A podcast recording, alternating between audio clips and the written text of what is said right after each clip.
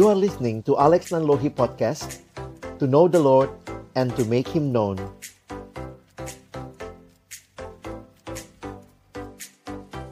Semua kita ingin hidup yang bahagia Tetapi sering kali kebahagiaan yang sejati itu kita cari dari hal-hal yang bukan hal yang tepat. Kebahagiaan yang sejati adalah kebahagiaan di dalam Tuhan. Karena hanya di dalam dialah kita menikmati kehidupan karena dia sumber kehidupan. Mazmur 1 menyatakan berbahagialah orang yang tidak berjalan menurut nasihat orang fasik. Yang tidak berdiri di jalan orang berdosa dan yang tidak duduk dalam kumpulan pencemooh. Tetapi yang kesukaannya ialah Taurat Tuhan. Dan yang merenungkan Taurat itu siang dan malam. Gambaran yang diberikan di ayat yang ketiga, ia seperti pohon yang ditanam di tepi aliran air, yang menghasilkan buahnya pada musimnya, dan yang tidak layu daunnya. Dan apa saja yang diperbuatnya berhasil.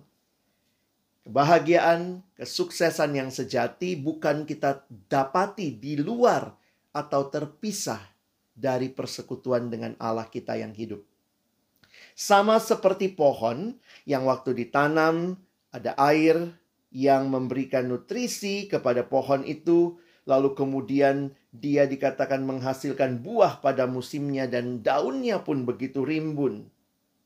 Dan inilah gambaran kehidupan yang diberikan oleh Alkitab bagi kita orang-orang yang percaya kepada Tuhan. Dan kita melihat bagaimana firman Tuhan, Taurat Tuhan itulah yang kita renungkan siang dan malam yang menjadi penuntun kehidupan kita. Banyak orang mau sukses, tapi tidak hidup di dalam Tuhan, tidak hidup menurut apa yang Tuhan perintahkan. Tentu sukses yang dimaksud bukanlah sukses dalam pengertian duniawi. Kalau sekadar yang membuat kita senang adalah uang, maka koruptor pun senang ketika mendapat banyak uang. Tetapi kebahagiaan yang sejati bukan uangnya, tetapi ketika kita mendapatkan uang itu di dalam takut akan Tuhan, karena kita mengikuti jalan-jalan Tuhan, sehingga bukan jumlah uangnya yang membuat kita bahagia, tetapi kehadiran Allah yang memimpin dan ketaatan yang kita perjuangkan itu menjadi kenikmatan hidup di dalam Tuhan, karena kita tahu kita tidak sedang menyenangkan hati kita, kita tidak sedang menikmati apa yang dunia tawarkan semata, tetapi kita benar-benar menjaga hidup kita di hadapan Tuhan. Beberapa tahun silam, ketika saya membaca berita tentang koruptor, lalu ada satu koruptor yang buron sudah cukup lama dan kayaknya sampai hari ini tidak ditemukan, belum ditemukan atau mungkin sudah meninggal dunia. Tetapi kemudian waktu itu saya membaca di salah satu koran ibu kota wawancara dengan mamanya. Wawancara dengan mama koruptor ini yang um, mamanya hidupnya tentunya mewah karena dibelikan rumah dan segala macam. Tapi dalam wawancara itu kemudian ditanyakan ibu, kalau ibu bisa bicara sama anak ibu, apa yang akan ibu sampaikan? Dia cuma mengatakan, saya kangen lah ya, saya sedih ditinggal anak saya, saya ingin ketemu dengan anak saya.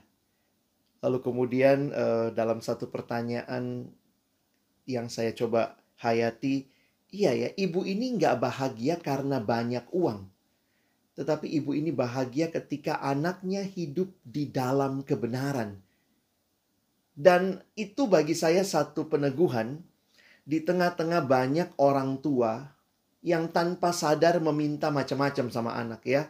Tentu tidak salah sebagai orang yang sudah melahirkan, membesarkan anak. Kita pingin minta, ayo dong uh, lakukan ini dan itu. Mama pengen beli ini, papa pengen itu. Ya itu kita nikmati. Tetapi saya akhirnya menyadari bahwa sukacita terbesar seharusnya yang menjadi sukacita dari orang percaya. Orang tua yang percaya, anak yang percaya adalah ketika kita hidup taat di dalam Tuhan. Mungkin ada hal-hal yang anak kita belum bisa berikan. Mungkin ada hal-hal yang kita sebagai anak belum bisa berikan kepada orang tua, ataupun orang tua merasa belum bisa membahagiakan anak. Tetapi marilah kita didik keluarga kita untuk hidup taat kepada firman, sehingga kebahagiaannya bukanlah kebahagiaan karena memperoleh sesuatu, bukanlah kebahagiaan karena mendapatkan banyak hal yang kita mau, tetapi kebahagiaan yang lebih mendasar bahwa kita semua hidup di dalam Tuhan hidup di dalam anugerah Tuhan. Kiranya kita membangun kehidupan keluarga yang senantiasa menyadari hanya di dalam Tuhanlah keberhasilan, kebahagiaan, kepuasan yang sejati. Tuhan memberkati kita.